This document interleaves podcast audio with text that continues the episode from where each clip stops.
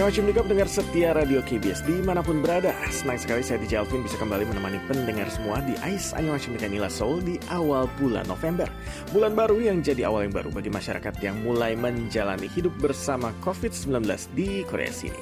Seperti apakah skema terbaru Living with COVID-19 yang mulai hari ini resmi diterapkan di Korea Selatan? Jangan lewatkan ya pendengar ya. Dan nanti saya juga punya info tentang keseruan perayaan Halloween di kota Seoul yang didominasi oleh kostum Squid Game. Apa kabarnya pendengar semua? Tidak terasa sudah masuk bulan November ya, dan itu berarti tahun 2021 tinggal dua bulan lagi.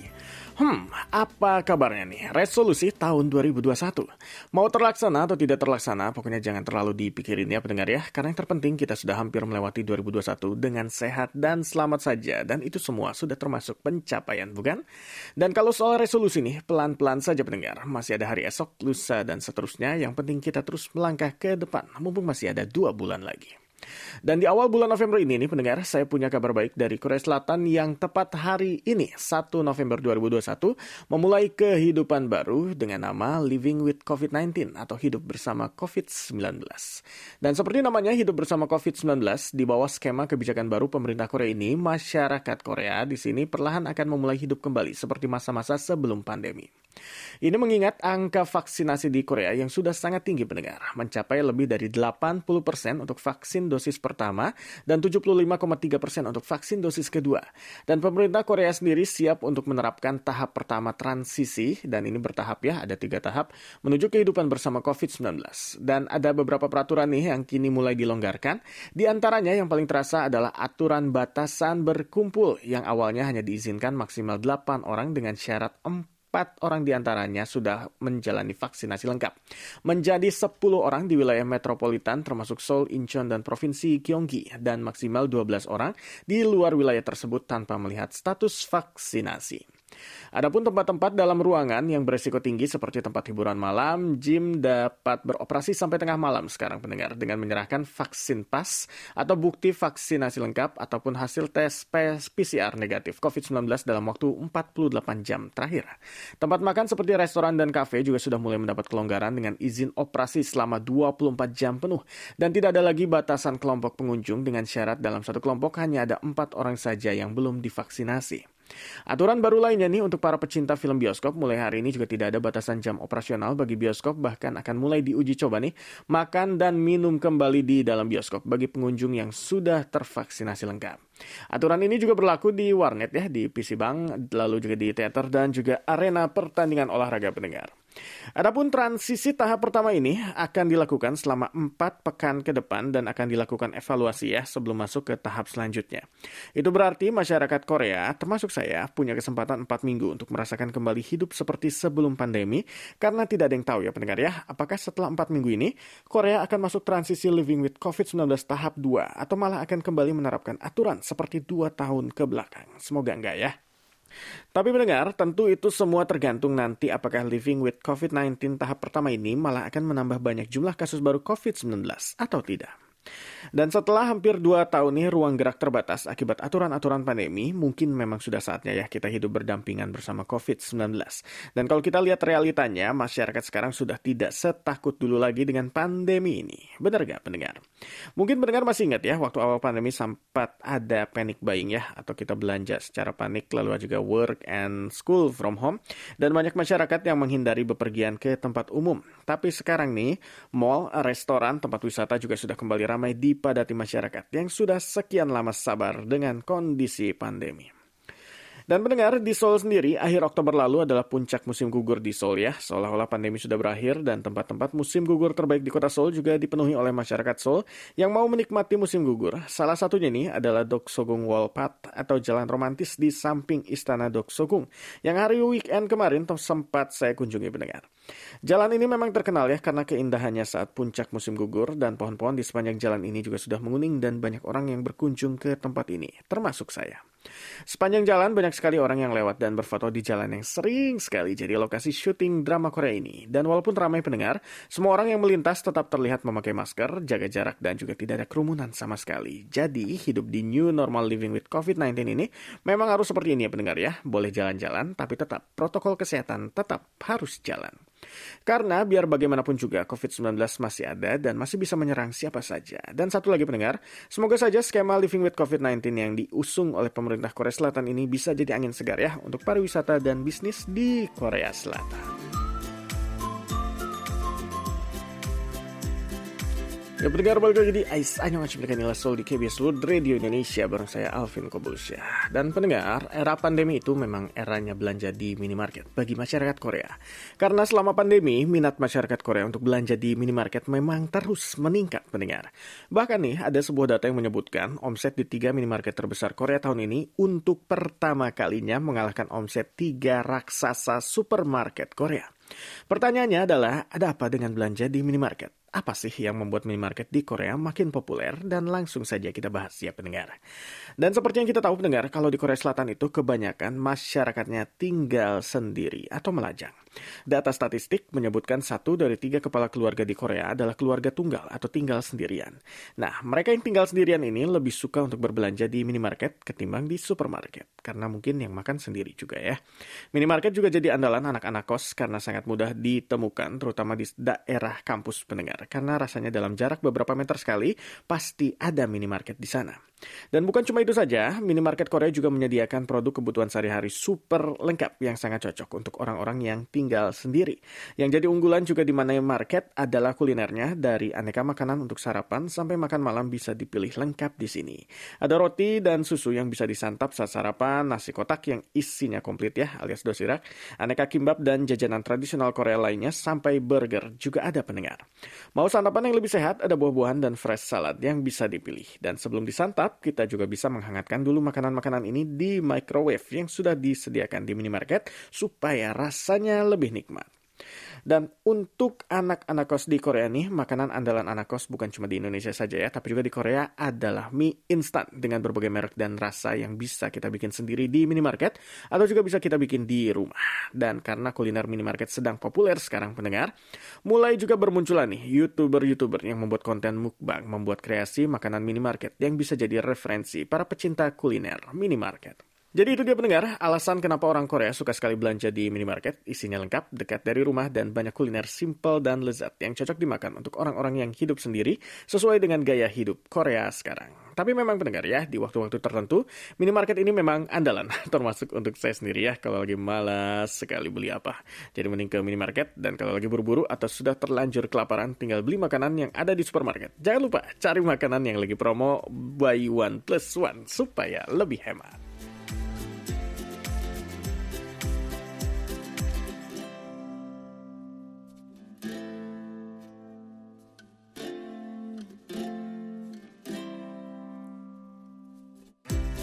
Oke pendengar, dan sekarang saya mengetuk pintu rumah teman-teman pendengar semua. Trick or treat. Malam Halloween sudah berakhir ya, dan ada keseruan apa saja di kota Seoul selama perayaan Halloween kemarin pendengar. Dan seperti dugaannya pendengar ya, tema Squid Game mendominasi tema kostum Halloween di perayaan Halloween kota Seoul tahun ini. Di perayaan Halloween biasanya orang-orang berkumpul dengan kostum yang menyeramkan ya pendengar ya. Tapi tahun ini popularitas kostum-kostum setan dan tokoh menyeramkan lainnya kalah jauh dengan popularitas kostum para pemain Squid Game. Dan di malam Halloween kemarin, anak-anak muda Korea berkumpul di Itaewon yang juga jadi salah satu pusatnya warga asing di Seoul untuk merayakan Halloween. Dan walaupun di tengah pandemi tidak membuat anak-anak muda ini takut untuk datang dan berpesta di perayaan yang hanya ada setahun sekali ini. Menariknya selama perayaan Halloween di Itaewon kemarin terlihat banyak sekali yang pakai kostum Squid Game. Dari kostum Yonghee atau boneka robot raksasa yang ada dalam drama, kostum warna hijau yang dipakai para pemain sampai kostum pink dan topeng hitam yang dipakai oleh penjaga beserta senjata mainannya. Walaupun pendengar, perayaan Halloween kemarin terlihat aman-aman saja, sempat ada kekhawatiran yang dirasakan oleh pihak kepolisian setempat, pasalnya dengan banyaknya yang memakai kostum penjaga dari Squid Game, dan semakin banyak juga masyarakat yang datang membawa senjata tiruan. Ya pendengar, senjata memang aksesori utama ya yang mencirikan penjaga dalam drama Squid Game. Namun sayangnya di Korea penggunaan senjata termasuk senjata palsu di masyarakat itu dilarang pendengar. Bahkan sebelum hari H Halloween, Badan Kepolisian Nasional Korea telah mengeluarkan aturan bahwa siapa saja yang tertangkap membawa senjata api simulasi atau palsu selama perayaan Halloween akan didenda 5 juta won atau hampir 60 juta rupiah ya dan 2 tahun penjara. Senjata palsu yang dimaksud di sini pendengar adalah senjata yang terbuat dari logam yang tidak jelas, terlihat sebagai pistol mainan. Dan senjata palsu yang mirip dengan senjata asli ini sering kali digunakan untuk kejahatan dan sering menimbulkan kecemasan di masyarakat. Jadi pendengar, walaupun anak-anak muda Seoul bisa berkostum bebas di Itaewon, bukan berarti mereka bisa dengan mudah ya masuk ke wilayah ini pendengar. Sebelum bisa masuk merayakan Halloween, pengunjung harus melewati quarantine gate yang dipasang Itaewon untuk dicek suhunya dan melakukan registrasi terlebih dahulu. Dan di tengah keramaian Halloween kemarin, masih ada juga anak-anak muda Korea yang memilih untuk menghindari keramaian dan meramaikan Halloween dengan cara mereka sendiri. Dan banyak dari mereka yang bermain permainan Squid Game atau mainan tradisional mereka bersama teman-teman dan keluarga di rumah saja. Kurang lebih seperti itulah perayaan Halloween di kota Seoul, pendengar tepatnya di distrik Itaewon yang tahun ini didominasi oleh anak-anak muda berkostum ala Squid Game. Dan popularitas Squid Game memang luar biasa ya pendengar ya, sampai sampai kostumnya ikutan jadi tren juga. Dan kalau pendengar sendiri gimana nih? Kostum apa yang pendengar pakai di malam Halloween kemarin atau kemarin malam berlangsung seperti biasa saja?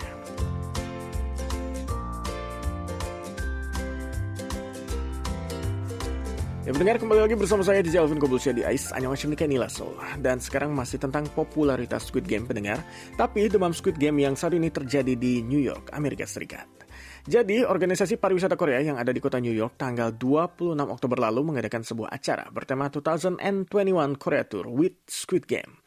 Dan di luar dugaan nih, event ini menarik perhatian banyak pecinta Squid Game di sana ya, di New York pendengar. Ada sekitar 3.000 orang yang mendaftar untuk acara ini, tapi sayang hanya 80 kursi yang tersedia. Dan pendaftar yang terpilih mendapatkan kesempatan untuk bermain nih, untuk bermain permainan Squid Game dan belajar banyak tentang budaya Korea di Galeri Museum Korea, Korean Cultural Center New York, dan juga di Koreatown. Dan selama acara, peserta harus mengenakan kostum pemain Squid Game yang warna hijau itu ya, lengkap dengan nomornya, dan mereka diberi kesempatan untuk merasakan langsung permainan Squid Game. Seperti game mengukir bentuk permen dalgona, dan tidak sedikit juga peserta yang berhasil menyelesaikan game ini sebelum waktunya berakhir, dengan mengerjakannya persis seperti dalam drama, yaitu dengan cara menjilat permen dalgonanya. Ada juga yang mencoba bermain takji, yang dianggap salah satu yang tersulit di antara permainan yang ada. Dan tidak lupa permainan red light, green light, yang identik dengan boneka anak perempuan raksasa yang jadi game terfavorit bagi peserta. Dan berbeda dari drama yang menyiapkan hadiah uang sampai 45,6 miliar won, di acara ini penyelenggara menyiapkan hadiah utama yaitu tiket pulang pergi Korea New York untuk satu orang pemenang. Ini juga luar biasa ya, hadiahnya sangat memikat. Dan pantas saja ya banyak yang ikut pendengar dan karena ternyata hadiahnya tiket PP New York Korea. Siapa pun pasti mau ya kalau bisa dapat tiket PP ke Korea gratis. Dan menarik sekali bukan pendengar cara organisasi pariwisata Korea di New York untuk menarik pengunjung agar mau belajar budaya Korea. Dan selain bisa bermain Squid Game, peserta 2021 Korea Tour with Squid Game juga bisa belajar banyak tentang tradisi dan budaya Korea lewat tur ke Galeri Museum Korea dan Korea Town. Jadi seru sekali ya, budaya Korea sekarang makin mendunia dan terima kasih untuk Squid Game yang sudah berhasil menyihir anak-anak muda dunia untuk makin tertarik dengan Korea.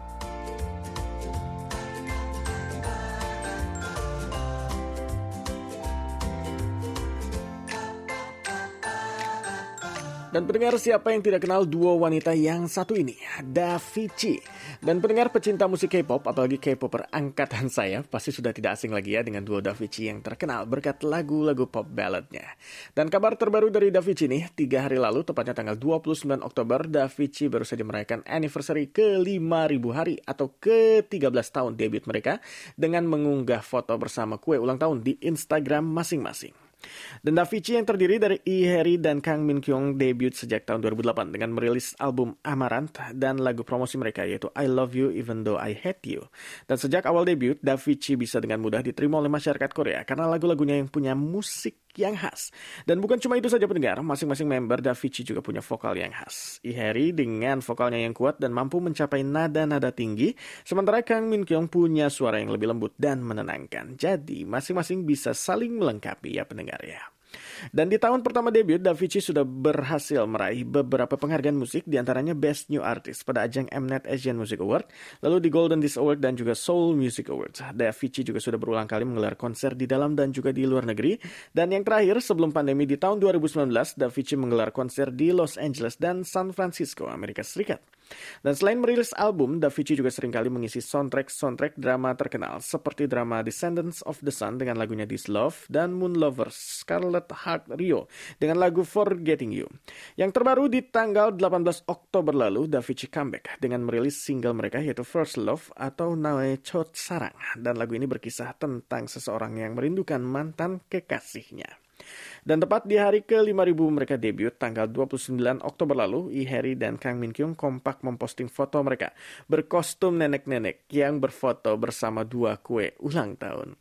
Hmm, apa ini ya? Maksudnya mereka akan terus bersama-sama sampai nenek-nenek? Semoga saja ya pendengar ya. Yang pasti kita semua berharap Da Vinci bisa terus langgeng dan terus berkarya lewat lagu-lagu mereka yang bisa menyentuh hati siapa pun yang mendengarnya. Dan walaupun masing-masing member sudah sering bersolo karir, semoga kesibukan mereka tidak mengganggu perjalanan mereka sebagai Da Vinci.